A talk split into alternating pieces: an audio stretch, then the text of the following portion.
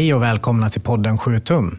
Idag kommer vi skruva upp tempot och snacka lite power violence. Jag heter Marcus Kjellman och med mig har jag bland annat Andreas Ljungman. Goddag, goddag. Eh, senaste avsnittet så la Fredrik in födelsedagshälsningar på slutet. Det var lite oväntat. Ja. Jag lyssnade på halva avsnittet ungefär eh, på jobbet och sen så gav jag mig härifrån och fortsatte lyssna. Såg liksom att den liksom räknade ner och till slut var det 15 minuter kvar. Fan, vad är det nu som händer? Liksom, äh, jag får väl lyssna vidare och se vad fan det kan vara. Det bara blivit något fel eller så här. Nej, det var ju inte det. Jag tänker, det var, det var inte riktigt alla jag visste vilka det var. En del presenterar ju sig. En del kände jag igen på rösten, men en del eh, hade jag ingen riktig koll på. Men du spikade alla sa du? Ja, men det tror jag. När jag lyssnade på det så hörde jag nog vilka alla nu, var. Nu visste jag ju vem som skickade vad, men eh, jag tycker det är rätt enkelt att höra ändå. Jag ska inte, jag ska inte säga vilka jag inte kände igen, för det kanske blir pinsamt. Nej, men det, det var sjukt uppskattat och jäkligt kul. Var det någon eh, hälsning som eh, värmde lite extra i hjärtat? Ja, men det var väl Staffans. Eh, han har ju gjort ett jäkla arrangemang kring detta. Ja, och sen på scen i, i lördags på Moral Panic-giget så fick du också lite hurrarop. Ja, men precis. Från Hugo och Sidestep och, och sådär. Hur känns det att vara så uppskattad i Sveriges hardcore-scen? Ja, men det känns väl... Jag vet inte fan. det bara jobbigt. Du har blivit lite av en kulturikon. Jag kommer bli K-märkt snart alltså. Man får inte röra mig. Får... Du får inte gå och klippa dig alltså? Nej, det är nog lugnt. För det växer inte det jävla håret ändå. Bara vara tunnhårig jävlig. Eh, Fredrik, du satte ju ihop detta. Ja, men det var, det var kul. Eh, man är ju van vid att tjata på folk sen man har gjort eh, olika compilations back in the days. Men till slut så fick jag ihop ett gäng och jag tyckte det blev riktigt bra. Jag håller med om att det som trädde fram lite extra, det var ju Staffans inlägg som var lite, lite så här härligt vågat. Det var lite poetiskt nästan. Det kändes som typiskt Staffan. Alltså. Ja, ja, men ja. precis. Att han bejakar den sidan av sig själv tycker jag är ja, åtråvärt. Och erotiskt kanske nästan. Jag tror inte vi ska använda sådana ord. Nej, men det, det som är intressant med Staffan det är ju att eh, han har ju ett eh, coverband som eh, heter Staffan Goes to Hollywood. Där han bland annat gjort Just en svinbra cover på Robins Dancing on my own. Och eh, jag såg dem i somras tror jag det var. Eh, och då spelade jag in ett litet klipp när han körde I'm too sexy av Right Said Fred. Sexy birds. And I'm too sexy for Milan, too sexy for Milan, New York and Japan. And I'm too sexy for your party, too sexy for your party. Man kan ju boka Staffan om man har någon filmfest eller så här framöver. Ja, det låter inte alls dumt. Sedan sist, eh, där var det lite spelningar. Andy, du var på eh, ett lite större arrangemang. Ja, kanske du kan berätta om. Precis, eller större och större. Det kunde ja, varit större precis. i alla fall. större lokal. Uh, ja, men det var Year of the Knife. Uh, egentligen var det Unearth som var huvudakten. Uh, spelade på Musikens hus i Göteborg. det var Boris satte väl mer eller mindre upp hela turnén tror jag. Eller gjorde jävligt mycket jobb runt, runt hela, liksom, hela deras Europaturné. Och på det här giget, han, ring, han ringer mig, när var det? Förra onsdagen var det va? Så ringer han mig någon gång innan lunch. Här. Alltså, jag sitter fast på tåg och jag måste ha catering klar till banden vid typ två. Så här, jag kommer komma alldeles för sent. Eh, så ah, kan du fixa detta åt mig? Så, Nej, du springer ner och köper varsin falafel. Jag var här på jobbet så att, eh, på Järntorget, så det är ju jättenära till Musikens hus. Och eh, Willys på vägen. Willys på vägen. Så det var ju bara att handla lite gött där och, och åka upp till Musikens hus och förbereda allt. Fick du ersättning för detta? Kom in på spelningen sen i alla fall. Så jag var väl där och fotade lite och sådär. Hur var spelningen? Det var sjukt lite folk. Eh, de hade haft jättelite folk på typ hela turnén, på nästan alla giggen. Musikens hus tar ju ändå typ 400 pers att, eh, och det kanske var, det kändes som det var typ 50 betalande kanske. Vad är det för typ av folk som går på en sån spelning? Men det är ju folk som lyssnar på metall eller liksom inte hårdrock, men metall typ. Unearth är ju ändå, det kommer ju från liksom hardcore-scenen på ett eller annat sätt. Ja, men de, de har ju tragglat på så här sedan typ 2001. Liksom. Jag har aldrig eh. lyssnat på det. Jag såg dem i, i London när de spelade med Slapshot och Seven Seconds. Men det fanns ju två bättre anledningar till att gå dit i alla fall. Det var inte för Unearth jag var där. Det... Konstig jävla mix alltså. Ja, men det var någon så här paketturné, vad det nu hette. Men sånt här band spelar ju ändå liksom förr på, ja men sådär på tyska festivaler, liksom eh, Pressure Fest och sådär. Så det är ändå liksom ett band som, och det är väl typ hardcore folk från början kan jag tänka mig. Det är det nog. Ja, eh, men det är, det är ju mer vad ska man säga, metalcore eller ja, Ja. med väldigt mycket gitarrsolon och gitarrarrangemang hit och dit. Och, ja. Långhåriga jävlar. Year of the Knife då? Det var riktigt bra alltså. Eh, Tänk för det är ändå ett band som är hyfsat hypat inom hardcore-scenen och spelar på alla stora festivaler, eller stora hardcore-festivaler i USA i alla fall. Mm. Jag lyssnar kanske inte på jättemycket sådana band, sådär, men, men de, har ändå, de har jag fastnat för. Och även Nucleus eh, tycker jag är jäkligt bra live. och sådär. Det är liksom kul att se. Sådär. De får alltid bra respons. Hur var nya sångerskan i Rikt, Year of the Knife? riktigt jäkla bra. Typ ingen skillnad alls. Sådär. Skitbra röst och bara bra på scen. Och, ja, men, och bara klockrent alltså. De, de var ju bäst för kvällen tycker jag i alla fall. Det var bara de två banden som spelade. Det var fem band. Eh, Det första bandet missade jag, men sen var det Leach, ett band från Borås. Eh, Är det något man ska hålla ögonen på? Nej, jag vet inte. Väldigt. Representerar de din hemstad på ett bra sätt? Ja, ja, ja, de gjorde så här eh, gang signs med ullsaxarna. Ja, den där scenen. och det var jäkligt mycket folk från Borås där. Jag tr- jag tror att om det var 50 pers betalande så var det typ 40 pers från Borås kanske.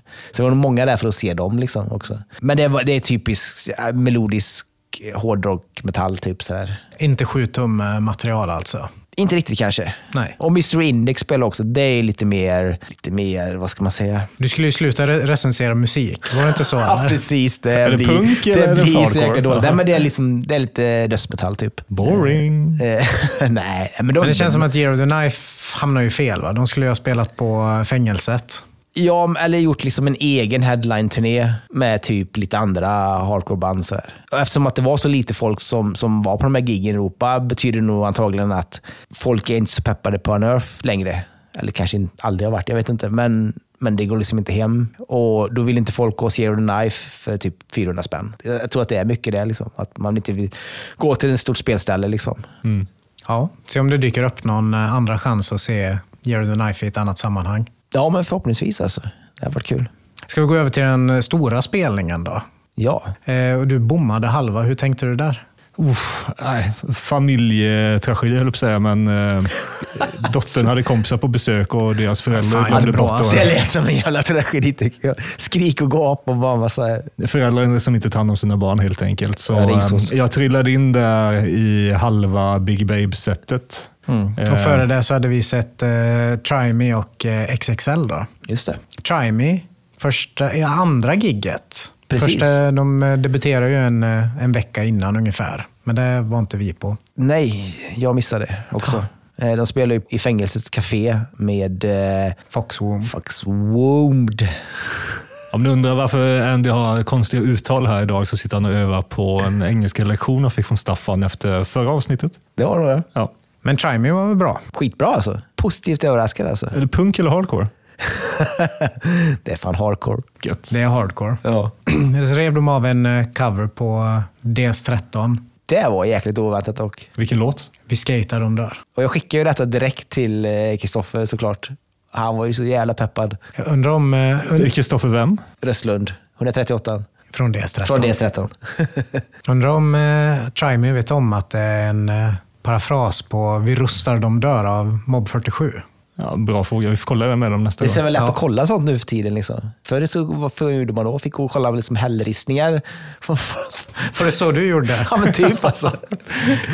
Nu är det ju bara att googla upp det liksom. Ganska kort sätt, de har inte funnits så länge, men eh, det lovar väl gott. Får Ja. se vad som händer framöver. Jag vet att de vill eh, komma ut och spela. Fick jävligt bra respons också. Ja, det fick de. Ja, och sen var det XXL från eh, Malmö. Andra gången de var här och spelade, de spelade ju på eh, Hardcore-festen i somras, var det va? I augusti också. Och nu har de ju en eh, inspelning, det hade de inte då va? Det hade de inte, nej. De fick också bra respons. Ja, men verkligen alltså. Jag kan inte bara fokusera på covers, men de spelade också Shitlickers, Spräckta snutskallar. Det gjorde de fan. Ja. Den, Alltså, den, jävla- den var lite överraskande tänkte jag. Ja.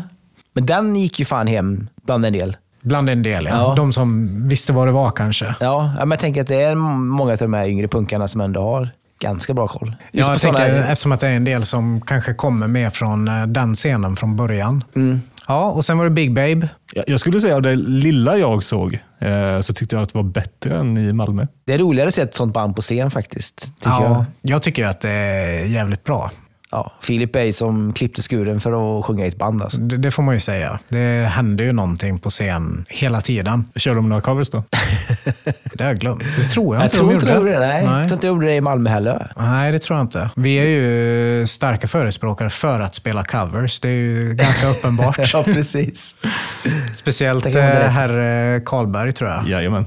Du har ju haft en beef med speedway kring det. Så. Precis, man eh, tycker ju att det finns ju en rimlig nivå av covers som är minst två under ett set. Ändå står du nere i gubbdiket och gömmer dig Ja, när det vänta på spelas rätt covers. låt. Men, men, men jag gillar det som Try Me gjorde här. Att de säger det här är en låt som heter Vi skater, de dör. Den är av DS13. Jag avskyr när band säger Ja. här, är en låt, alla känner, alla känner igen den. Och så är det fem pers som känner igen den. Då försvinner ju syftet med att spela en cover. Jajamän. Det är, det är lite så här folkbildning va? Att Men spela en vilken cover. låt skulle ni ta? Om, om man säger så här att den här låten, alla kan den. Vilken låt skulle det vara? Bra fråga. Alla kommer inte kunna alla Nej, men om låtar. man säger majoriteten av publiken, om man säger. Vil- Vilken låt är det som alla kan? Project X, Straight Edge Revenge.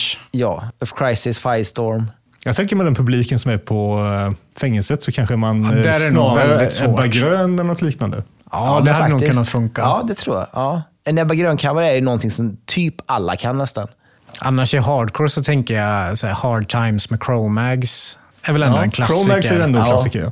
För jag tänker även om man spelar en sån här som vi känner, ja men det är fan klart att alla kan det, som Youth of Today eller Bold eller något liknande, så är det inte säkert att folk lyssnar på det idag. Jag har ju känslan av att det har hamnat lite i skymundan för de här andra banden. Sen tänker jag också, men du vet, Nervous Breakdown, Black Flag, Ja, lite tråkig dock. ja, Nej. Jag tycker Black Flag generellt Ri- Rise är- Above med Black Flag hade man ja, kunnat spela. Ja.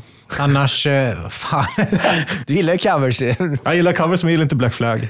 Det är för, det är för punk. Bad Brains, Sail On. Ja, men nu snackar vi. Ja. Jag uppfann Right den i. Brigade. Ja, precis. Right Brigade hade jag gått igång Ja. på. ja, men det är väl, eh, finns många bra covers att spela. Ja, finns väl en del covers, tänker jag, som man skulle vilja höra som jag aldrig har sett något band spela. som... Jag, jag kan inte komma ihåg att jag har sett något band spela No Thanks med Uniform Choice till exempel. Screaming for Change är ju ganska Ja, vanlig. det har jag sett en del köra, men inte... Nej, det... Ja, det är ändå bästa straight edge-texten genom tiderna typ. Topp tre.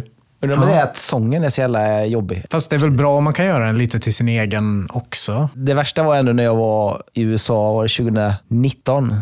Eh, spelade i New Jersey. Så hade jag typ mejlat innan bara för att jag ville köpa förköp, för det skulle antagligen sälja slut och sådär. Och då snackade jag lite med han som satte upp gigget och så, han spelade i något band och sådär. Eh, ja, vi fixade en biljett och sådär. Och, och sen när jag kommer dit då så, ja men tror inte det här bandet som han spelade i körde en cover. bara för att jag är där på Final Exit. Jag kommer inte ihåg vilken låt det var. Men bara, jag kan ju liksom inga, jag kan ju inga texter där. Sånt där liksom- jag bara så här, det här är så jävla skämmigt. Det liksom kändes som som typ alla vände sig om till mig. Typ så här. There's a guy from Sweden. Kunde cover. de spontant spela en Final Exit-cover? Ja, nej, inte spontant. Alltså, Nej, han utan visste- de hade planerat. De var för du skulle planerat komma. att köpa för att jag skulle dit? Och de här, jag vet inte hur många som lyssnar på Final Exit i USA direkt, men det känns som att det är... Det är nog rätt avlägset. Jag kommer Ja. ihåg det var en messageboard som hette Livewire-boarden. eh, Fan, kan det ha varit 10 år sedan? 15 år Mer. Ja. Det var ju liksom 2003, 2004, 2005 Ja, någonstans Det var ett jävla tag sedan i alla fall. Och då var det ett snack om Refused och alla hatade verkligen på Refused på grund av att eh, ja, men de blev så jävla pretto. Men då la jag ett inlägg i den tråden där, ja men vad fan, känner ni till deras andra band som heter Final Exit? Och de kunde ju knappt tro liksom att eh, det här faktiskt var Refused. så eh, det, det var ju rätt intressant diskussion som följde där, där liksom majoriteten ändå sa, fan det här är ju riktigt bra. Ja, det är ju, Det är riktigt bra det också. är ju Sveriges bästa hardcoreband någonsin. Ja, ja. Utan tvekan. Tegskivan är ju den, det kommer inte göra någon bättre skiva än den. Alltså. Men apropå covers, förut var det ju en del band som körde hela set med covers. I Linköping hade de ju väl någon så här coverkväll, hade de inte? Just det, någon var Madball och någon var... eh, Minor Threat Ja. eller Youth of Today och något sånt. Ja. Det måste väl ha varit en Edge Day som Lose to Life körde Ja. ett coverset. Firestorm typ. Undrar om de inte spelade Proficiency med Final Exit och så Force of Change med, med Strife. Och så typ bara hits hela setet igenom. Det var ändå rätt uppskattat kommer jag ihåg. Det hade ju inte funkat på en vanlig spelning. Nej, men nu var det Edge Day och det var liksom en var speciell eh, grej på något vis. Vi kanske ska göra ett eh, specialavsnitt om eh, covers någon gång. Mm. Det låter som en plan. Ja, det var ju, det var ju ett sidospår. Vi får gå vidare och ta Sidestep som ju ändå var huvudakten för kvällen. Och om det rådde något tvivel innan så gör det väl knappast det längre kring vilket som är kidsens band i, i Göteborg. Det, det är sidestep. Det är ju jävligt bra. Lättast att hoppa till. Ja, och folk som inte är så här 35 plus typ i bandet. Ja, vad tyckte ni om deras set då? Jag fotar och då brukar jag försvinna i min värld, så jag hör inte så jäkla mycket vad som händer. Eh, sådär. Det var nog ett av de bättre sätten jag har sett senaste året, kan man säga så långt. Ja, det skulle man kunna göra. Och bästa jag har sett av, av dem i alla fall, Ja. helt klart. Ja, jag tycker du är ett av Göteborgs bästa band. Eh, de spelade ju ett par nya låtar också. Minstone två, kanske var tre till och med. En låt som var riktigt jävla bra, i början någonstans. Ja, den, först, den första nya låten var den bästa. För det var någonting med sångarrangemanget som var så jäkla coolt. Jag kommer inte ihåg hur det var riktigt, men det var riktigt nice. Ja, och otroligt bra respons. Och den här gången så lämnade inte folk lokalen, utan det kändes som att det var fullt från början till slut. Ja, det var ju verkligen det. Alltså. Jäkligt bra gig överlag faktiskt. Ja, av det jag såg så var det riktigt bra. Ny musik. Mm. Nowheres. Deras skiva har kommit ut. Äntligen! Till slut. Precis. Eh, Jag har lyssnat igenom den eh, några gånger. Och eh, Det är ju precis som Simpa säger, det är ju mer av samma, vilket jag bara tycker är positivt. Ja, men, det- men det låter ju liksom som gamla låtarna, fast det är bättre. Liksom. Det är mer välproducerat känns det som. Ja, så man undrar ju lite hur de nya låtarna kommer låta som de har börjat med. Det är väl Simpa som sitter och skriver en jäkla massa. Ja, ja men det ser vi fram emot. Skivan går ju att beställa nu från eh, Janet Records och eh, också från Svensk eh, Hardcore-kultur. Just det. Så ni som eh, köper skivor och samlar på skivor kan ju gå in och beställa ett ex. Ja, den ser riktigt bra ut. Det är Mark som har gjort eh, design och omslag, Ja. om jag fattade rätt. Stämmer Jag, jag det. tror det, ja. De ska ju ner och spela i Iper i sommar också. Eh, på Iperfestivalen. Har ni varit på Iper någon gång? Nej. Nej. Nej, det är bara jag som har varit där. Jag har hört att maten är bra där nere. Det är det jag känner. Ja, svim. Även då när jag var där för typ 30 år sedan. Även var 98, 99 och 2000. Kawabanga-serien utspelar sig nere på va? Jajamensan. Ja, kommer du Eh, filma Friends Rust där nere till exempel? Gulkin Fan tror jag. Just. Serene. Ja, just det. Precis. Serene från Sverige, från Gävle. Eh, Och en jäkla massa annat. Och det är så här belgisk eh, metal. Ja, Length of time och... Så jäkla dåligt. Men eh, berätta mer om maten. Alltså, sv- svingott alltså, alltid varit. Ja. Det har ju flyttat liksom. Innan var det ju inne i stan på typ... eh, f- första gången jag var där 98, då var det liksom, un, vad ska man säga? Inte i en källare, men det var liksom in som en grotta i ett jävla hus typ kändes det som. Ja, konstigt. Eh, och på marken var det typ så här, det var så här jordgolv sådär. Vad har detta med maten att göra? Som var jävligt, ja men jag kommer till det, så är lite ojämnt och sådär. Och de har lagt ut så här, typ mattor på för att det inte skulle så här, damma. Ja, det var, ja. Nej men det har ju alltid varit vegankäk och sådär. Ja. Eh, men, men, men då minns jag inte jättemycket av käket faktiskt. Jag tror man käkade ganska, jag tror inte, de hade nog inte ens käk då. Nej. Men sen åren därpå, då hade de eh, allting på, också inne i stan, på liksom en innergård. Eh, kändes som typ så här hyreshus, och så var det innergården. Eh, de byggt upp scen och sådär. Då var det ju bra med käk. Liksom, så här. Mycket sojakött och sådär. Ja, jag är lite sugen på att dra dit bara för att käka. Den här cateringen som man får liksom, ska ju Ja. vara helt magnifik. Så här. Och massa glass och... Fan, nu blir jag hungrig. Alltså. Bättre än den du drog ihop på Willys eller? Skulle nog säga det. Så det är några resor bättre faktiskt.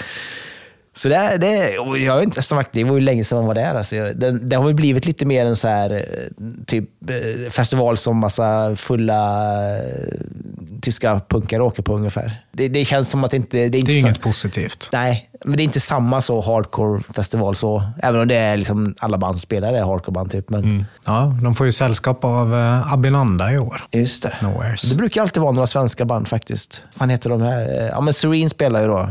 Men det finns ju något annat band också. Som också släppt nere på Janet tror jag. Children of Fall. Convinced. Ja, det också. Men det, ja, det är ytterligare något Leia. band. Leia, va? Ja, just det. Aldrig hört. Nej, du ser. Det är det. Är väl samma klick med folk som Serene, är det inte? Jo, men det, visst är det det, tror jag. Jag tror det. I alla fall någon, någon slags eh, koppling där. Jag, jag har ju extremt svårt för dåliga bandnamn. Och Leia är inget bra bandnamn. Nej, men Serene är ett jävligt bra Ja, det namn funkar. Helt och klart. band. Och, Ja. Och apropå uh, Nowheres då. Idag eh, släpptes det ju nyheten att vi ska dela scen med dem. Det stämmer bra. Vi åker till Linköping för tusende gången i våra liv. Ja, ungefär så känns det. Men eh, med en annan agenda den här gången. Jajamän, vi ska spela in livepodd. Är det tänkt? Jag är livrädd för detta då, för jag har ju ingen aning om man rent tekniskt spelar in en livepodd. Men antar att vi får micka upp oss i mixerbordet eller någonting. Det tror jag de sköter. Ja, Ja, det, det, det är nog ditt största bekymmer, tänker jag. ja jag tänker bara sitta där i soffan och glida. Kan jag säga. Men vi får väl släppa fler detaljer kring detta när det närmar sig, för vi har ju lite tankar och idéer. Ja, vi har väl börjat tänka lite grann, men vi har ingenting eh, klart Spikat, än. Men eh, när vi fick erbjudandet så kändes det som en självklarhet att göra. Ja, jag tycker det blir jättekul och eh, jag tycker Nere på noll, när de hade förra året så var det jätteintressant och ett schysst inlägg liksom i en spelningskväll. Ja, det blir ju något annat och det, det är ju lite andra grejer som händer där utöver banden som spelar. Så kommer det vara en eh, fotoutställning och det kommer vara punkloppis. Och sen en jäkla massa band då. Ja, ja, men jag får lämna lite önskemål här då. Dels så skulle jag vilja ta med mig Sidestep och eh, Bullshit från Göteborg. Jag tycker verkligen de borde spela. Eh, jag skulle också vilja se att eh, fler band, om inte alla band, spelar på den lilla scenen. Hellre att man trycker in sig där, det blir trångt och jävligt, eh, än att det är glest framför den stora scenen. Och så tycker jag att maten är ju definitivt någonting man måste arbeta på inför detta året. Så man får åka ner till Iper, tillbaka i tiden och eh, inhämta tips. Precis, precis. Och eh, förra året så gick jag in till Linköping och insåg att Mamris var ju stängt. Vi kom tillbaka med en eh, relativt medioker falafel och det duger inte. Nej, så bättring. Jag tänker man får väl se hur många biljetter som säljs. Säljs det 300 biljetter, då kanske man kör. eh, pa- Passar väldigt bra på stora scenen, för det är ju en ganska bra spelningslokal. Köra dem liksom självklara. Of Trust, det är ju typ självklart där. Om Ja. det nu säljs 300 biljetter. Ja, men eh, det hade varit ännu roligare i det lilla rummet. Ja, men förutom eh, Bonds of Trust som du nämnde här nu så spelar ju Nowhere som vi sa. Eh, dessutom på line-upen så är ju bland annat eh, Exil, Crybaby, Existence och Size Up band som vi har nämnt tidigare och som har en tydlig förankring i hardcore-scenen. En bra blandning också. Ja, det skulle jag säga. Men sen var det även lite Håkan-punk för dig också va? Ja, men sekunderna spelar och de är ju kanonbra. Plus eh, fler band och jag tror att det kanske tillkommer några stycken så man får hålla sig uppdaterad. Datumen för Dunderfest är 29 och 30 september så boka in dem redan nu. Och kan ju nämna att vårt merch-game kommer vara riktigt starkt också, så spara på slantarna tills dess. Precis. Mer, mer om det vid ett eh, annat tillfälle kanske. Förra avsnittet handlade om eh, Göteborg Hardcore. Jag skulle säga att det blev riktigt jäkla bra. Och eh, väldigt uppskattat av eh, folk man har pratat med och folk som har skrivit på olika forum. Jag tror det kan få ganska många att få upp ögonen för vad det finns för band här nu. För att, alltså folk runt om i Sverige har nog inte riktigt koll sådär eftersom att de här banden mest spelat i Göteborg. Ja, sen så tror jag också att vi kittlade nostalginerven hos många. Ja. Man, man får hoppas att det inte stannar vid det heller då, utan att man också blir intresserad av de nya banden som, Precis. som finns i Göteborg. Nu är det tyvärr så att alla inte har någon inspelning och vi kunde inte spela upp någonting med, med alla band av den anledningen. Men eh, Ja, tyvärr, vi fick ju lite liveklipp från vissa band, men eh, när vi väl hade komprimerat filen för uppladdning så lät det för jävligt verkligen, så jag var tvungen att ta bort det. Men eh, vi hoppas att dessa band kan skicka in material till ett annat tillfälle. ja, och då, då tog vi inte ens upp eh, ett av Göteborgs absolut bästa band, Bullshit, som vi inte tog upp eftersom att vi faktiskt har haft dem i ett eh, eget avsnitt. Och ändå kunde vi lyfta fram 12 stycken band från staden. Ja, och det finns fler. Det är band man inte tänker på. Så här. Både gamla och, och nya såklart. Jag tänker Ja. på fredag den 13 bland annat.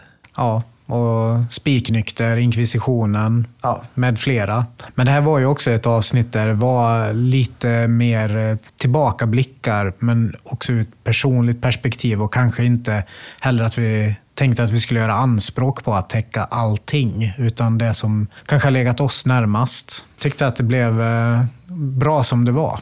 Får vi se om det blir anledning att återkomma till eh, Göteborgs hardcore-historia längre fram. Det kör vi nästa tio år. Flyers var ju någonting som efterfrågades efteråt i responsen. Många som var intresserade av att se gamla spelningsaffischer. Så går man in i vår eh, Facebookgrupp, 7 tum, så kan man se ett gäng affischer som är upplagda där. Övrigt i eh, responsväg Fredrik, du har ju bra koll på Discord. Där snackas det lite om att eh, vi inte presenterar låtarna som spelas. Och Eh, det kommer väl kanske med tiden när vi blir lite duktiga på vad vi gör. Men eh, anledningen till detta är väl oftast att eh, vi inte vet när vi spelar in avsnittet exakt vilka låtar vi kommer få skickade av banden. Vilket gör att det blir svårt att presentera den. Utan det är egentligen i postproduktionen vi lägger till det. Så vem vet, en vacker dag så kanske vi sitter här och berättar vilken låt det är. Men tills vidare får man kanske fråga oss eller sin bästa kompis som säkert vet vad det är för något. Precis. Jag tänkte ju att Commitment Crew verkade i något slags slags eh, vakuum i förhållande till sitt sound, men det, det stämde ju inte riktigt. Eh, ibland har man lite svårt att hålla isär tidslinjerna på när, vilka band som existerade under vilken period, men vi fick ju några uppslag här om att eh, eh, 86 Mentality och, och eh, Shipwrecked hade kunnat vara stora inspirationskällor för Commitment Crew. Det, det stämmer ju säkert jättebra. Ja. Dessutom hade jag ju fel. Iron Boots cover har spelats i, i Sverige av uh, The Hammer, upplyste Gabriel oss om. De spelade låten Bizarre på någon Alive and Well-upplaga. Det hade vi velat se. Ja, det gjorde du säkert också. Men kommer inte ihåg. Var jag där hade jag roligt. Precis. Det är ju ändå en av Iron Boots eh, klart bästa låtar. Elgin James från uh, Righteous Jams. Han hälsar hej, eller Ja, precis. Han, han kommer att knacka dig snart här nu för att du har kört moped på olovligt sätt. Nej, men uh, var det Mark som skrev att uh, det är ju Mayans MC, den här uh, serien. Ja, okej. Okay. Namnet på serien. Okay. Ja, ja, precis. Ja, jag hade glömt. Det var Mark som skrev, ja. Eh, om vi backar ytterligare ett steg till avsnittet som handlar om Dream Warrior så blev det ju en, eh, inte en diskussion, men en tråd om japansk hardcore i vår Facebookgrupp. Där Adrian sen gick in och listade ganska många band som man eh, kan lyssna på från Japan. Mm. Har du så, lyssnat igenom allt än? Nej, jag har lyssnat på en hel del av det faktiskt. Och en ja. del är eh, riktigt jäkla bra. Ja. Och en del faller mig inte alls i, i, smaken. Generellt sett är det så för del, ju mer det låter som amerikansk hardcore, desto större chans är det att jag gillar det. Ja, jag kan hålla med dig. Är man intresserad av att kolla upp eh, japanska band och kanske vidga sina vyer lite grann, så gå gärna in där och kolla och lyssna på de här banden. Vi går över till dagens huvudtema som ju är Ciao. Eh, ett band från eh, Stockholm och eh, Karlstad som vi passade på att intervjua live när de var här i Göteborg. Andy, du tog ett snack med dem och pratade om senaste skivan bland annat. Ja, men just det. De har ju släppt den här skivan Burn Eh, på Quarantine. Ja, men precis. Det, är mycket som handlar om Quarantine känns det om. Ja, det känns ja. som att vi borde begära in pengar därifrån snart. Exakt. Vi, det Eller kommission på de här timmarna väl, vi lägger. Exakt. Lite väl mycket reklam alltså. Nej, men det, det är en skiva som jag har lyssnat en hel del på. Jag tycker inte dock att det är så jättemycket power violence längre. Nej, Utan... men det, det, är ändå ett band som kanske skiljer sig lite grann från eh, många andra band som vi lyssnar på. Ja, och framförallt från Sverige, som liksom rör sig i hardcore-scenen. Om du tänker power violence, nu får du, får du fortsätta recensera musik här. Hur skulle du beskriva Chaos sound? Nej, men senaste skivan tycker jag är lite, det har lite mer influenser. Jag tycker nästan det är lite, lite bullshit-influenser ibland. Att det blir vadå, lite stompigare och så? Nästan eller? så, ja. ja. Lite scowl-influenser. Också lite, också lite väldigt stompigt och lite big cheese. Det är också lite stompigt. Men alltså det, det är stompigt det är stompigt, stompigt. stompigt med blast beats. Ja, men typ alltså. För power violence annars, är, är det någonting som ni har någon relation till egentligen? Jag vet inte. Jag lyssnade på Charles Bronson när det begav sig. Ah. Kan man vi... säga att det är power violence eller bara stökig hardcore? Jag vet att de själva ville ju absolut inte definiera sig som power violence. Ja, det ju power violence. Snabb hardcore. Men har de inte en t-shirt där det står power violence på den? Och till och med. Säkert. För mig. Alla såg ju säkert The Locust när de var i, i Sverige ett ja, antal gånger. Vidare. Men det tänkte jag aldrig på som, som power violence, konstigt nog. Jag vet inte varför. För det är väl power violence mer, eller? Ja, det är väl kanske det. Ja. Fast spexigt. Det var någonting extra utöver power violence var det. För annars brukar man ju ofta lyfta fram till exempel Infest eller Man is the Bastard eller Crossed Out som tidiga power violence-band. Och det, det, är väl sådana band som... Definitivt inte hade kallat sig själva för power violence. Nej, det, Nej, var, nog, det, var nog in, det var nog innan termen fanns, i alla fall ja. infest. Jag tänker att termen kom någon gång i början av 2000-talet va? 90-tal skulle jag säga. Nej, ja, 90-tal är det. Var det till och med? Ja, ja. Okay. det är ja. det absolut. Förutom Chow så har vi också Resentiment från Göteborg som verkar inom något slags närliggande område. Tror ni att det här kanske är en sorts hardcore som eh, vi kommer se mer av? Ja, möjligtvis alltså. Jag Det tänker, går, det går ju lite i vågor vad som är populärt. Och jag tänker senast det var populärt med sån här typ av musik var väl i slutet på 90 90-talet. Jag tycker en sak som talar emot det är egentligen att man måste vara en lite bättre musiker än bara... Än, än oss. Ja, de- definitivt bättre än oss som aldrig har spelat ett in- instrument. Men eh, så grunderna i all typ av snabb hardcore, det är ju trummorna. Du måste ju ha en riktigt jävla bra trummis i bandet för att kunna spela den här typen av musik. Ja, det går inte att fuska där inte. Nej, app, app, app, app. Nu kommer pappa Staffan. Men det känns som det har varit en ganska lång period där, i alla fall eh, utifrån vad jag kan se, där det inte har funnits särskilt många band som spelar riktigt den här typen av hardcore. Tänk ändå att Nasum var ju lite liksom åt det hållet. så. Ja, det är ju mer, mer grindcore, men, ja, men eh, ändå. Ja. Och de attraherar ju en jäkligt stor publik alltså. en klar crossover-appeal Mm. mellan både punkare, hardcore kids och metal-folk. Just nu, om man tittar runt i världen, så är det väl, finns det väl inga jättestora band egentligen som spelar power violence. Pratade lite om Weekend Nachos. De har ju lagt ner.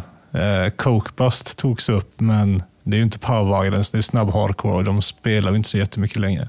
Nej, och samtidigt tänker jag det är lite svårt att säga var går gränsen egentligen, egentligen mellan eh, power violence eller snabb hardcore. Är snabb hardcore egentligen bara en synonym till power violence eller finns det något särskilt som särskiljer genren? Det, det tror jag att det säkert finns eh, olika åsikter kring. Kan det vara någonting med hur man lägger sången också? Ja, det är en bra fråga. Nu är vi kanske ute på lite djupt vatten här. Så jag tror att vi ska ta och använda oss av vår eh, livlina Mikael Hammerman, a.k.a. Micke Bombdrop.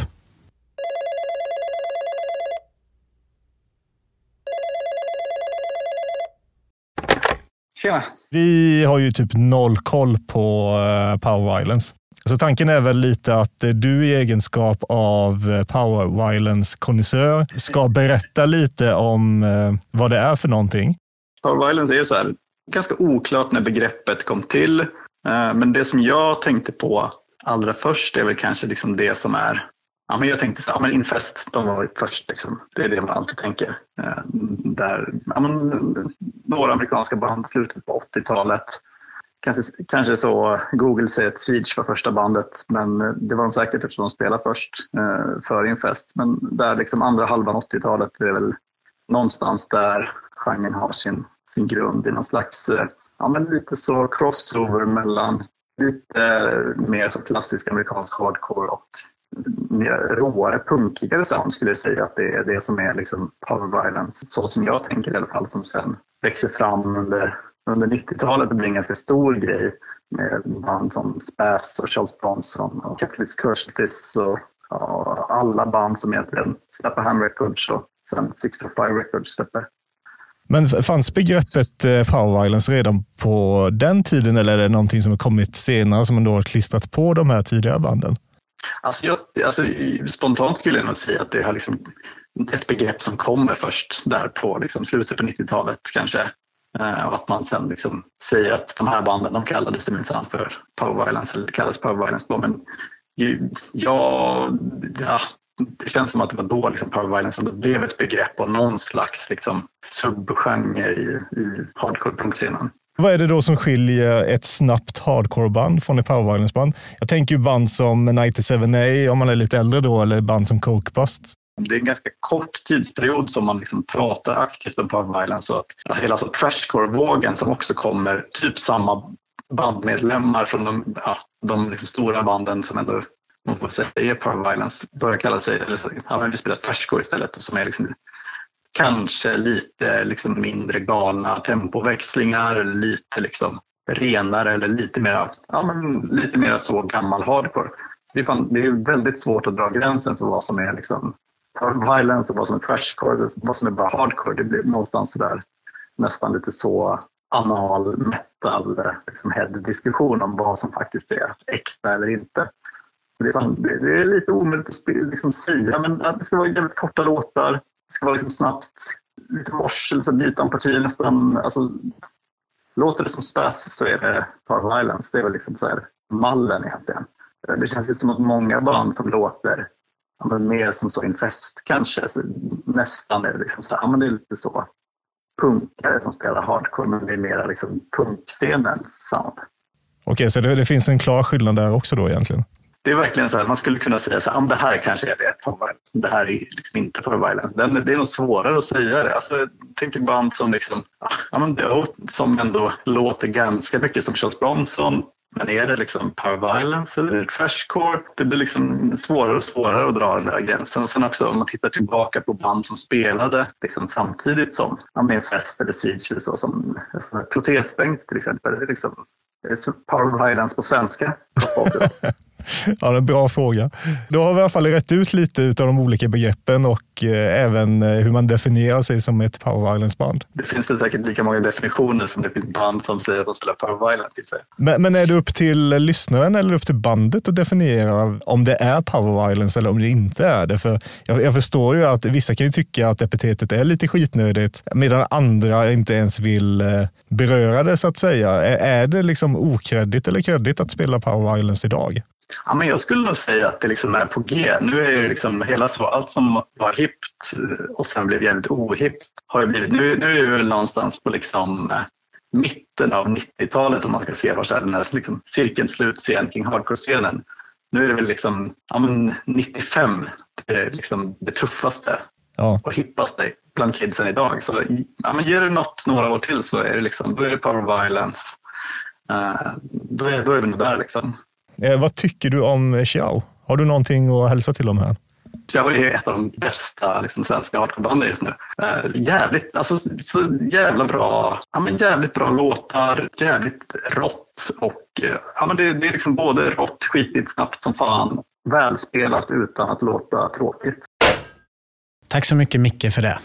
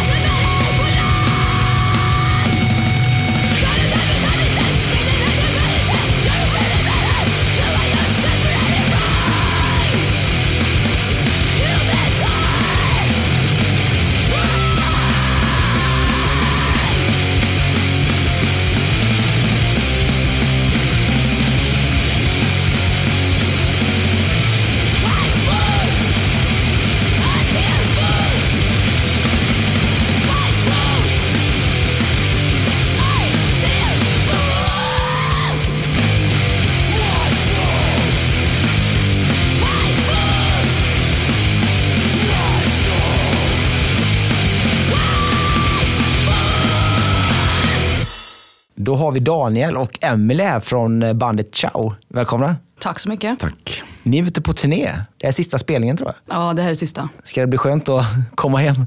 både tråkigt, men skönt för min röst, men eh, tråkigt. Mm. Det var lite kallare än vad vi tänkt. Så man känner, känner att det var lite, just rösten höll inte. Hur att båda låter lite, mm. lite burkigt sådär. Ja.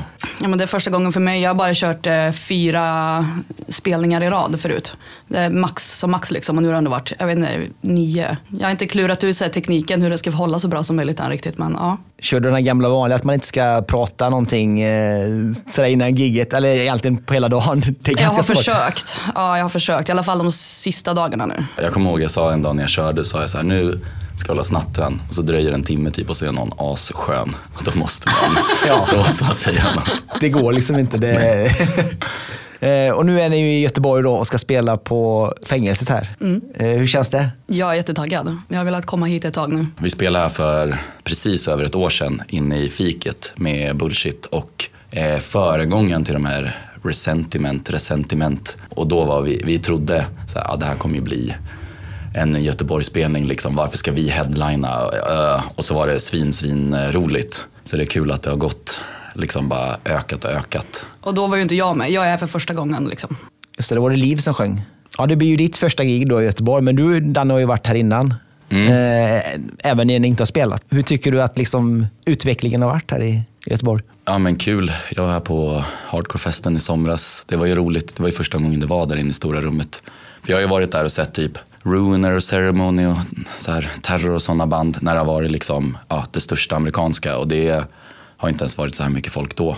Eh, tidigare liksom. Så att jag var nere på den Existence Outstand-spelningen och det var bara, ja, riktigt bonkers. Vad tänker du om Stockholm framöver? Kan det liksom bli samma slags Ja. scen där också med lika mycket folk och mycket yngre folk? och så här? Alltså vi kommer ju aldrig kunna förmodligen hitta samma klick med kids. Vi har försökt där med halva priset, gratis under 20, försöka li- lista ut vad det är de vill se och sånt där i alla år. Eh, men har aldrig haft samma liksom, nedgång som man har haft här. Det har inte varit så himla fett under vissa år. Eh, utan det har liksom rullat på så här lite mera halvfart åtminstone. Det är ju unga som går på spelningar och det är alltså, kul och fett och sånt i Stockholm också. Men eh, jag tänker att om, om den här grejen inte hänt än så gör den nog inte det. Men det man kan vara trygg i är att det kanske det kommer inte dö liksom heller. kan ju smitta av sig också. Mm. Sådär, om folk liksom får nys om hur det ser ut här på giggen Mm. och sådär. De flesta känner ju till eh, Daniel sen innan kan jag tänka mig. Spelat många band. Men vem är du, Emily?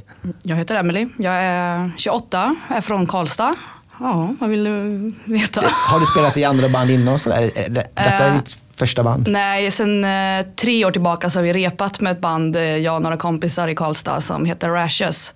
Vi har några låtar men liksom under pand- vi började ju precis innan pandemin började och så blev det ju glest med rep där och sådär så vi har inte kommit så långt än. Men vi ska ha vår första spelning i Karlstad i början av juni. Det har varit en ja, lång process men det är ju inte inte riktigt på samma nivå som med Chow. liksom. Alltså jag har ju lyssnat på punk i över tio år och sånt. Men, eh, och gått på spelningar och sånt. Jag fattade att det var lokala band som spelade när jag var 20 typ. Eh, så då gick jag ju på dem jag kunde. Jag kände inte så många som kunde följa med. Och plus att då bodde jag på landet och det var så här, jag vågade inte gå själv.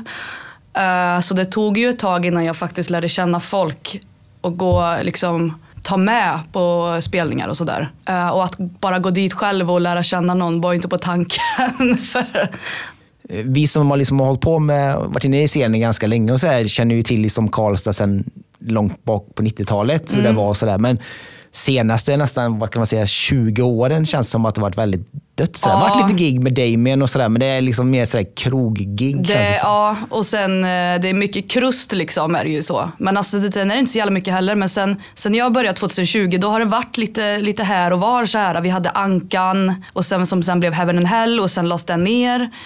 2016 kanske. Eh, och sen hade vi båten. Det var också så lite ställen som lokala band kunde gå dit. Men sen så tog det över någon annan. Och sen sjönk båten för det är en båt liksom. Det kom in Det är vatten. jag båt vet, alltså. Ja, och det var ett ställe som ägde att vara på. Eh, Men, eh, ja, och sen var det liksom inga spelställen kvar längre. Och sen kom pandemin. Men det var ju liksom lite klubbar som dök upp så här. Och Club Pebble som, eh, som arrar lite allt möjligt. Liksom. Indie till eh, punk, eh, hardcore. Ja. Nu har det ju varit helt dött sen pandemin men nu har några kompisar till mig börjat starta Klubb Livrädd och arrat hitta en pizzeria som vi kan vara på. Perfekt. Pizza Ja, och så korko. nu, kan nu hoppas vi att det kan växa lite. Sen har ju Nöjesfabriken är ju stor och där har det ju alltid varit. Då måste man ju dra större publik. Men det är ofta som det är gig på liksom 18-årsställen och så eller har ni en yngre scen också så ni kan ha liksom all ages? Nej, nej. Det vet vi ju inte. Men eh, det ser verkligen inte ut som det nu i alla fall. Vi vill ju ditåt liksom. Ja, men vi spelar ju på, um, då när eh, Rashes ska spela, då är det som en minifestival. Då spelar Ciao också och Socialstyrelsen va? Socialstyrelsen, Gränslandet från Kristinehamn och sen ett krustband som heter Affect från Karlstad. Contorture, jag tror de är från Göteborg. Jag har garanterat Det glömt dem mer. Men, det, ja. 3 juni, Bakgårdens pizza i Karlstad. Fan, får vi nästan dra alltså. Pizza gillar vi. Och hardcore. Ja, det är veganpizza också. Jag tror det är bara veganpizzor. kan inte bli bättre. Men det kanske är stor, eh, stort arr nog att det får lite uppmärksamhet lokalt Ja. förhoppningsvis. Det gigget igår verkar gå bra i alla fall. Bor du kvar i, i Karlstad? Ja. Du gör det? Ja. Du har inga planer på att flytta till Stockholm? Nej, det har jag inte. Danne har inte försökt att lobba för hur bra Stockholm är? Hur bra Stockholm är har jag väl lobbat för. Men eh, det är väl Kalle i vårt band som eh, där i början så här, fiskar lite så här. Ja, men vad tänker du så här med utbildningen och sånt där? Det kanske är värt att komma och Emelie bara nej. Alltså jag är för stönig för, oh just det, Stockholm, jag vet inte vad stönig betyder, men eh, vad heter det då? Stubborn. Jag är för stubborn, jag vill inte flytta från Karlstad. Det är lagom stor stad. Det räcker med att åka och vara i Stockholm ibland och inte bo där. Det låter väldigt sunt faktiskt, får jag säga. Ni spelar någonting som heter power violence. Kan ni förklara detta? Eller tycker ni själva att ni gör det fortfarande? Ni har liksom utvecklats lite sen... Alltså, eh, när vi började, jag och Sam som spelar trummor, då var det väl det jag var peppad på. Eh, om, om man skulle vara motiverad att starta ännu ett band. Liksom. Så höll vi på med det lite, men det är ju verkligen eh, alla, alla stilar får vara med hardcore liksom, i grunden egentligen. Det finns ju en liten röd tråd av blastbeats och sånt där i, i låtarna som jag brukar försöka få in det så att det låter som ett band. Men eh, det är verkligen eh, blandat. Och det var ju någon som eh, valde att lägga PV, alltså Power Violence, eh, förkortningen i liksom vårt Insta-namn och vår mail. Så det är vi lite fast med det. Men vi brukar skämta och säga att vi är fake Power Violence för det, det är ju verkligen ja, vi, vi är väl ett hardcore-band med blastbeats liksom eh, i grund och botten. Men som svar på din fråga, jag kommer faktiskt ihåg att det var någon på Ruckus, det gamla pissiga internetforumet som förklarade liksom konceptet med, med Power Violence. Att det är så extra snabbt och sen när det blir långsamt då är det ännu lite extra långsamt. Band som Weekend Nachos till exempel. Att eh, det är liksom blastbeats och detax-rens och sen när det blir liksom moshbeat då är det inte bara lite så här tunggung utan det är... När man kör ett breakdown då gör man det rejält helt enkelt. Ja men precis. Ja när det kommer till Power Violence, det, ju, det, finns ju alla de här äh, gamla banden som väl ändå måste klassas som riktig Power Violence, äh, Spaz och ähm, Infest och Man is the Bastard och alla de här grejerna. Och det är liksom sånt som vi gillar kanske till viss del. Men mycket av den här gamla hardcoren låter ju rätt pajig liksom. Sättet man spelat in det på. Det var förmodligen väldigt fett att se det i rummet liksom. Men mycket av de här grejerna som man tittar tillbaka på med moderna ögon och hört liksom, ja, men hur skivor efter millennieskiftet kan låta så är det inte alltid det flyger. Så att för det här är det väl mer liksom, ja, men, liksom 00-talsband som typ Mind Eraser, Hatred Search, Cokebust, Vaccine. Eh, alltså band som också när man lyssnar på dem är det så här Ja, det här kan ju vara power violence men det kan ju vara verkligen vad som helst annat också. Alltså det är väldigt blandat liksom. Weekend Nachos, de gjorde ju sludge-skivor också. Alltså, och, och de gick ju också på slutet väldigt mycket åt hardcore-hållet liksom. Och det kommer så här, ren, rena hardcore-låtar liksom. Eh, så det är väl eh, liksom startpunkten. Men sen är väl våra gemensamma nämnare utöver det väldigt mycket Cursed, eh, Converge, eh, Craft, det här svenska black metal-bandet. Eh, som är liksom, jag tänker att om man märker lite på hur vi spelar gitarr och trummor så märker man att liksom, det finns det är lite flashiga grejer som kommer in som kommer från de här banden. Liksom. Jag tänker på den här nya låten Fools. Den låter nästan lite mer, nästan lite Boston-sound, nästan lite bullshit-vibbar sådär. Mm. Håller du med? Alltså vi kallar ju den för punksång när vi gjorde den. Alla låtar får alltid, för att, för att vissa i bandet ska veta vad det är för låt vi snackar om så får man ju hitta på någonting så att de fattar vad det är för låt. Och det var liksom punklåten, för den har det här 4-4 pumpet typ hela låten. Eh, men det är väl precis, det är väl det liksom. Den har lite blastbeats mitt i låten för att den ska passa med de andra. Men i övrigt så, på samma sätt som att vi har någon, någon morslåt och någon, eh, ja, andra stilar så är det liksom punklåten. Vi, vi brukar väl använda kanske um, Trash Talk eller Hoax eller sådana band som liksom referens för de här, ja, men de här pumpiga, punkiga bitarna. Eh, snarare än än liksom tidig 80-tals hardcore. Är det du som skriver eh, det mesta av musiken? Det är ju alltid öppet till vad det blir för låt sen med hela bandet. Och tanken om låtarna brukar vara ganska mycket enklare än vad det blir sen när Sam som spelar trummor kommer in. För han flashar till det så himla mycket. Så då blir det liksom mer vår grej. Det är ju ingenting satt i sten liksom när vi börjar spela ihop utan då tycker alla till och ja, kommer med ändringar och finjusterar och sånt jag brukar alltid ha liksom den inställningen när jag skriver låtar att så här, jag vill impa på någon, någon i mitt band. Jag har alltid framför mig. För många tror jag brukar tänka så här, vad, kanske vad vill folk höra eller men så här, nu vill jag låta som det här bandet. Men jag brukar alltid tänka att så här, nu, nu vill jag få liksom, Emelie ska skriva så här, fuck i chatten när vi skickar en låt liksom. Då vet jag att det, att det är rätt liksom.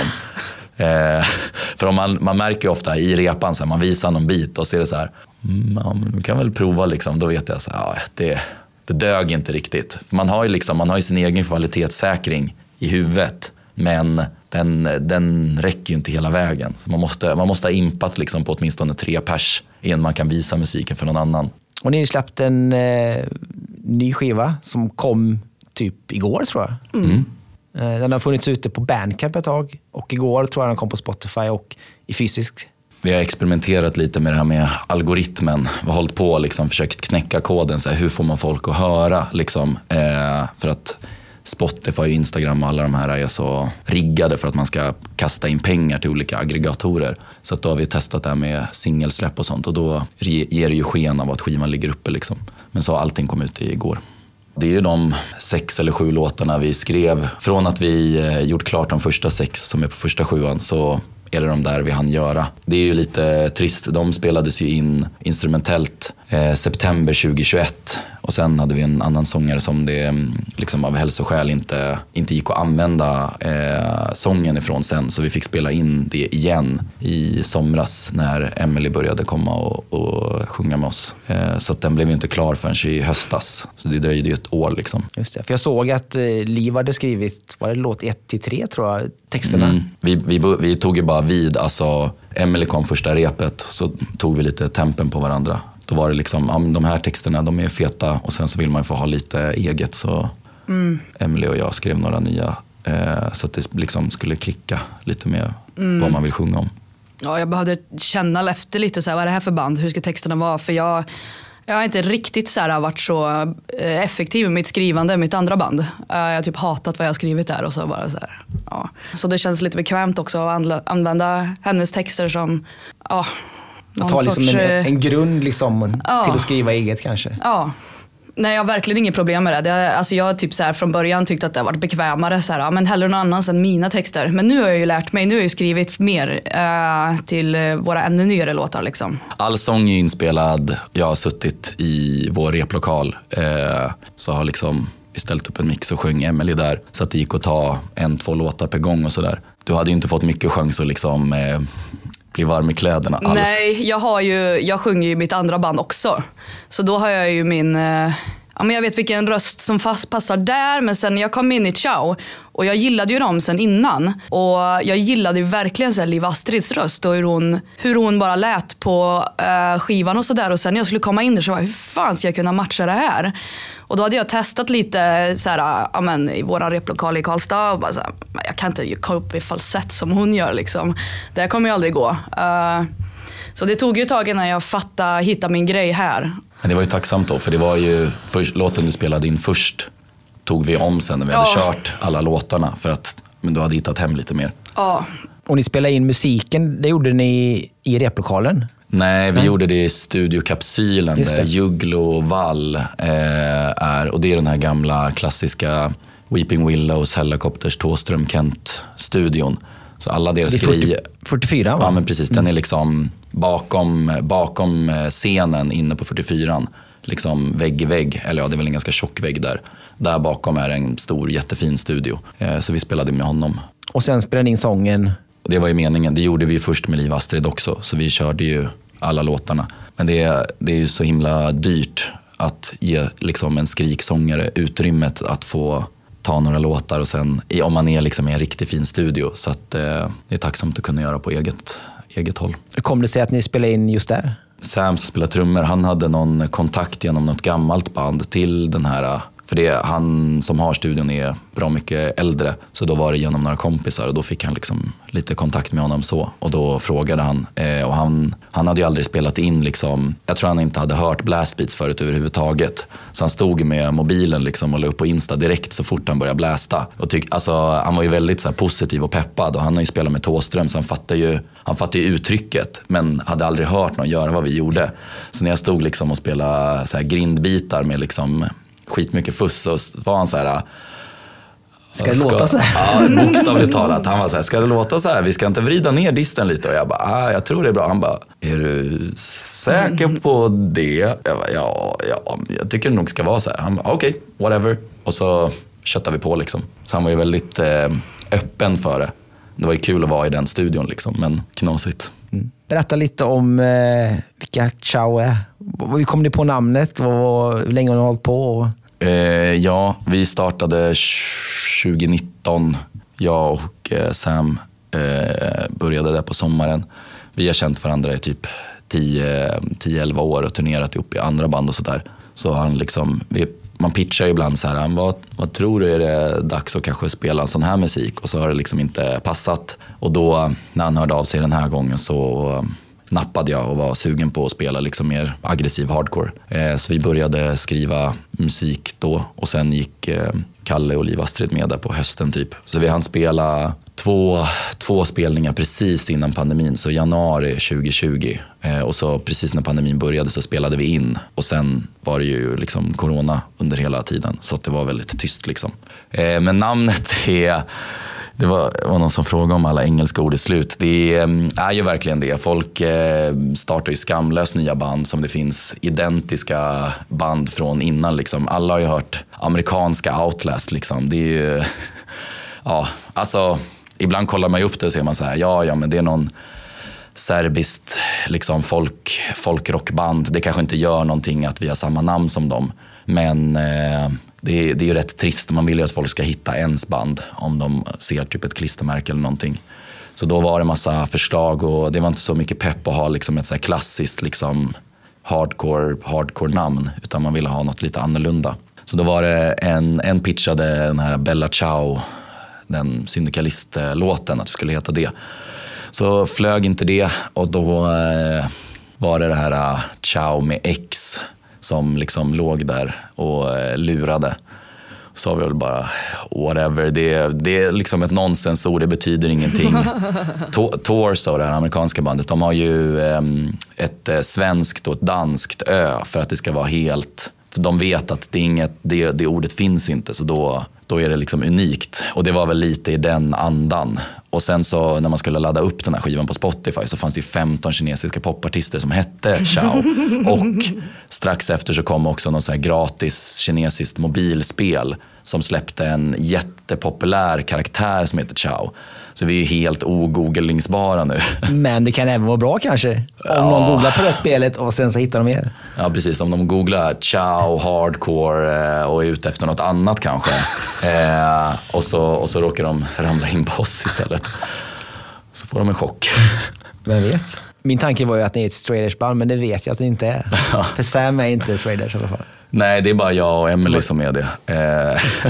Och inte Karl? Nej, eh, och Liv Astrid var inte heller det. Så att, eh, vi, vi har ingen sån identitetspolitik bakom vårt band.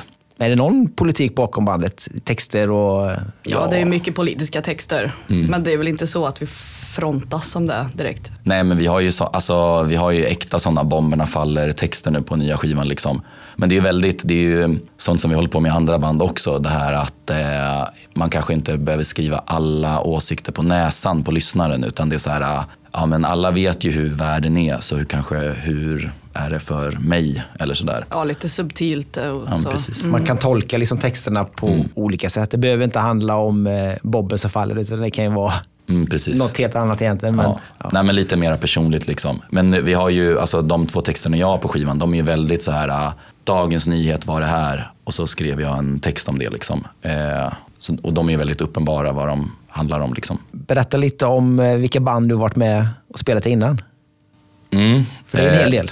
Ja, mest har jag spelat med ett band som heter No Omega. Eh, och eh, ja, sen 2011 kanske, eller något sånt. Sen eh, har jag spelat lite annan musik, eh, mest med ett indieband som heter Mystery Language. Eh, men jag har spelat i massa så här, kassa Stockholmsband sen jag var 18 typ.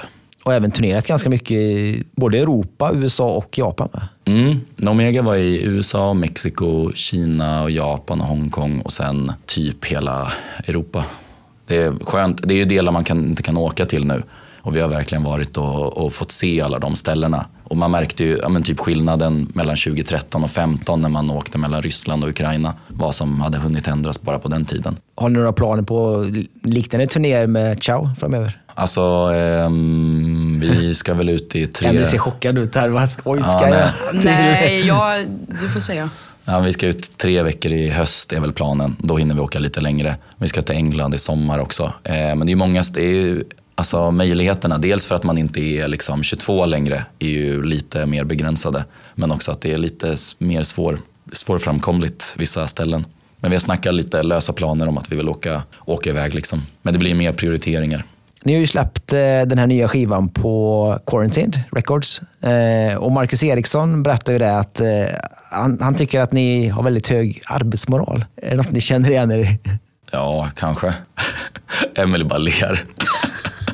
men vi, alltså, ehm, eftersom att vi startade bandet precis när pandemin kom så var det ju väldigt mycket liksom oförlöst ambition som aldrig kom fram någonstans. Så sen när dammluckorna öppnades för ett år sedan typ så var vi väldigt redo och sen så eh, var det liksom en del planer som sket sig på grund av så personliga grejer också. Eh, så att när vi väl kom igång sen till sommaren då fanns det ganska mycket förfrågningar liksom som låg och väntade som vi ganska snabbt försökte casha in på.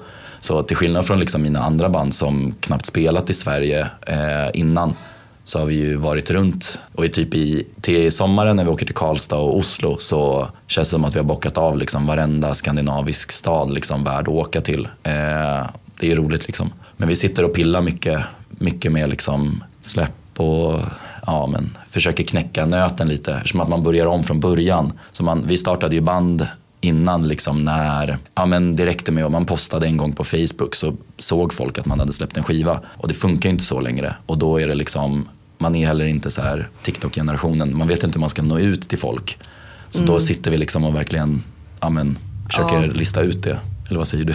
Ja, men jag är så ny så jag, inte, jag försöker bara så här, äh, lära mig grejer. Så, men, äh. ja, vi, sitter, vi har en äh, Discord-kanal. Sitter och folkbildar varandra ganska mycket. Liksom letar reda på så här klipp om typ hur, hur marknadsför man bäst. Liksom. Och så får man se så här, ja, men vad är relevant för oss. Vi har väldigt hög integritet om vad, så här, vad vill vi göra, mm. hur vill vi framställa bandet. Vi skjuter ner jättemycket idéer för att ja, men man vill verkligen att alla ska vara med på det och känna att så här, det här är vår stil. Liksom. Ja. Men då har ni ändå ganska stora ambitioner då? Ja, jag antar det. Alltså, ja, man har ju verkligen gjort bandkarriären, eller man ska säga en gång liksom, ordentligt. Så det är mycket som man känner att så här, mycket är avbockat redan egentligen. Men då vet man också att man bara gör saker som man tycker är fett. Jag kom ju in liksom av en slump nästan. Jag hade ju liksom så här, ja, men pluggat fem år på universitetet. Jag höll på i min så här söka jobbperiod.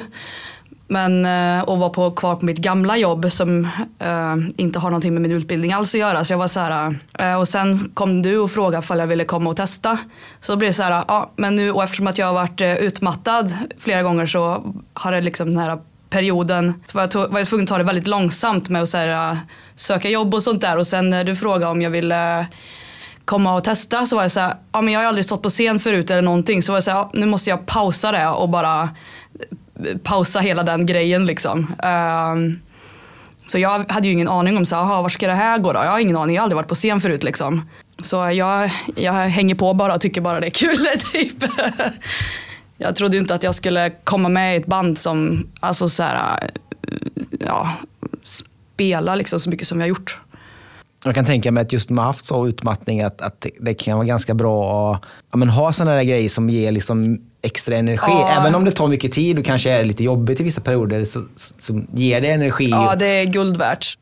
Hur kom ni i kontakt med Quarantine Records och Marcus och Erik? Så, så fort vi liksom hade spår inspelade och en första mix så började vi skicka ut dem och då var vi ganska selektiva med att vi valde ut några bolag som vi tyckte var coola på riktigt. Vi ville liksom inte sitta och skicka så här, äh, falska mejl och säga äh, vi uppskattar verkligen er och försöka lirka vem som kan ge liksom bäst deal. Utan ja, men vi valde ut några och då, jag, vet inte, jag chansade lite. Eh, tyckte den här compilation-grejen han hade gjort och bullshit-släppet var liksom, det såg jävligt eh, proffsigt och fett ut. Eh, så när jag gick in och kollade, hittade honom på Facebook, Marcus, såg jag att jag försökt boka hans gamla band för tio år sedan. Det blev inget av det, men det är liksom, det var jag hade aldrig kopplat att det var samma person.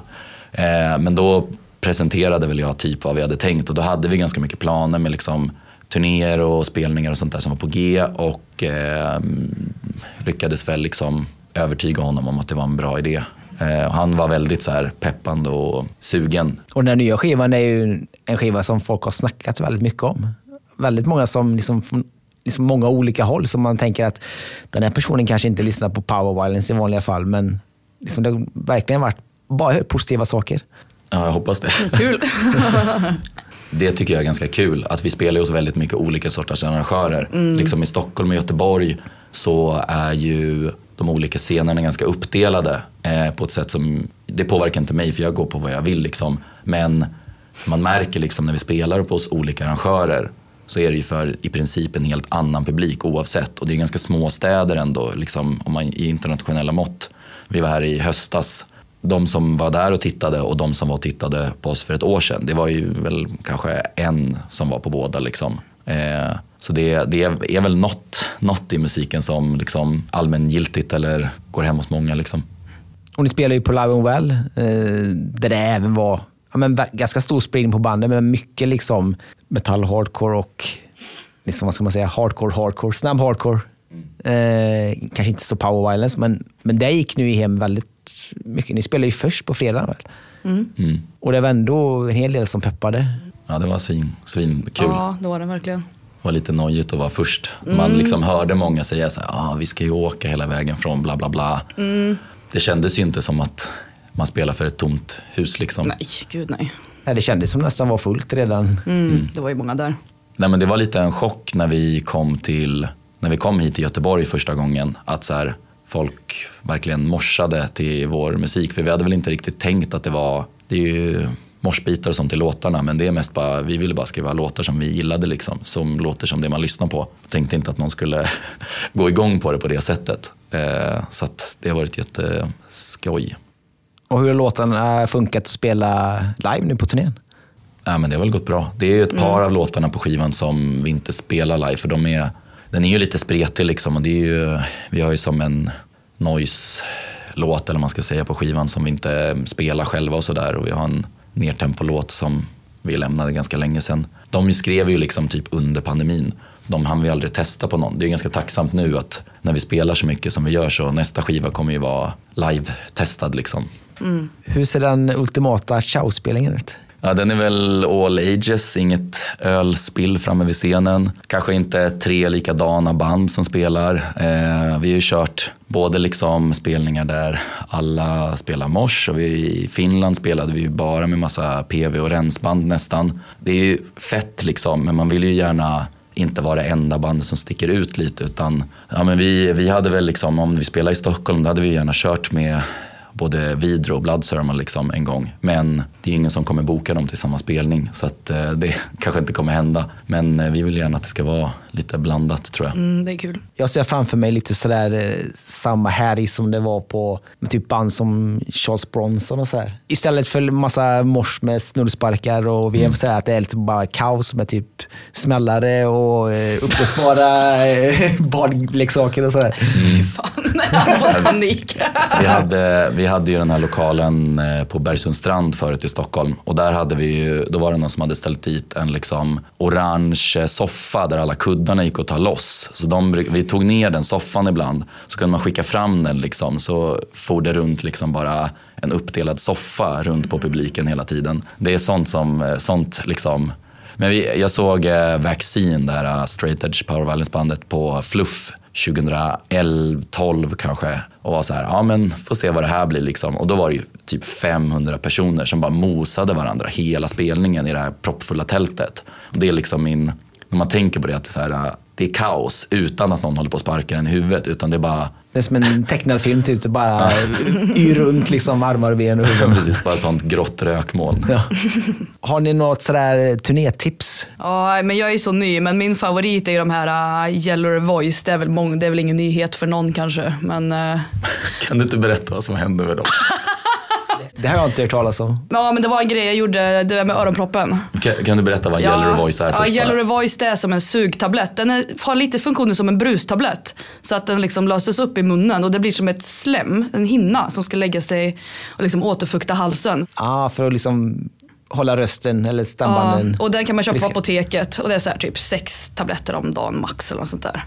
Och jag brukar ta dem, eh, ja men jag använder dem så här, under tiden vi spelar har jag den i munnen. Alltså så här ifall jag känner mig hes och liksom har ont sådär, är torr. Ja, men, men vi var, vart var vi då? Vi var i eh, någonstans i Tyskland. Det var Frankfurt. Och så tog jag en tablett som jag brukar då. Uh, när jag skulle, jag skulle sova. Så, ja, men så, och så somnade jag då med tabletten i munnen. Liksom. Sen vaknade jag efter någon timme typ och då att jag hade något mer i munnen. Då var det en öronpropp i munnen. Uh, Som du hade haft i örat då för att Jag vet kunna inte sova. vart det kom ifrån. Ant- För Aha. jag brukar, jag, alltid när jag sover borta har jag öronproppar. Så då låg jag på golvet och då, jag hade öronproppar i öronen men då hade jag, jag måste ha haft den på golvet för då tagit in den i munnen. Och så då var liksom så här, tog jag ut den och bara vad fan så var den så täckt i det här slimet också. Och så, så jävla äckligt, jag vet inte hur den hamnade där. Så det var bara att trycka in den i örat och somna. Nej, Jag bara, åh, slängde den och sen somnade om. Så det, det är inget eh, tips kanske direkt? Nej, att- ta, ta, tips- sov inte med, jag har inte öronpropp i munnen, det, eller nära sängen sådär. Men eh, slime-tabletten går bra. Jag har, inte, jag har inte kvävts av den än så länge i alla fall. Så. Ja, det är positivt. Kanske inte är jättebra tips ens, men ja. Uh, turnétips. Mm, vi gjorde en, en månads Sydeuropa-turné en gång. Fram, framförallt den gången tänker jag på. Det har med Tupperware på turné. För att eh, då, då har man lådan och dels så kan man hålla på och plocka i mat hela tiden och ha med sig. Men framförallt så kan man eh, åka till olika storköp och köpa flingor och sojamjölk och så käkar man det där i och sen så, så bara sätter man på locket. För det är alltid den här grejen att man är i bussen och så är det liksom bara massa skit överallt och det kommer i sig smuts och man vill liksom inte ha använda grejer och sånt som ligger framme. Så bara stänger man den och så sköljer man ur den sen på nästa klubb. Och det är ett tips som jag kan eh, kanske komma ihåg själv för att det sket jag i nu Det är ju skitbra. när man är ute liksom längre tid. För nu, nu har vi haft det ganska gött att antingen så hinner man liksom käka lunch i stan innan man åker eller så har vi liksom, nu kan man ju käka veganburgare på Burger King och sånt också. Men om man är ute liksom i, i tre veckor så måste man ju vara lite ekonomisk eller så. Och vissa länder funkar det inte svinbra att köpa veganmat alltid. Typ Spanien och sådär man åker. Nej, precis. Spanska öknen liksom. Jag har inte så mycket än. Tofflor var skönt att ha med sig. Jag var den enda. Jonas han också. Men... Ja, jag blev avis när jag såg era tofflor. Ja, jag tänkte på det. Jag, var- jag var verkligen så här, äh, ska man ha det här? Nej, för jag blir helt tokig på att folk har massa lösa, överdrivna grejer i bussen hela tiden. Så här. Man får ta det man verkligen behöver. Sen stod jag där och såg era tofflor och tänkte att jag kun- kunde lika gärna tagit med mig dem. Ändå ganska bra för man sitter ju liksom med skor på sig. ja, men Mm. från morgon till man går och lägger sig. Liksom. Mm. Tack så mycket för intervjun. Tack. Ja, tack så mycket för att vi fick vara med. Mm. Nu börjar vi, bo- börjar vi båda direkt äta pad thai.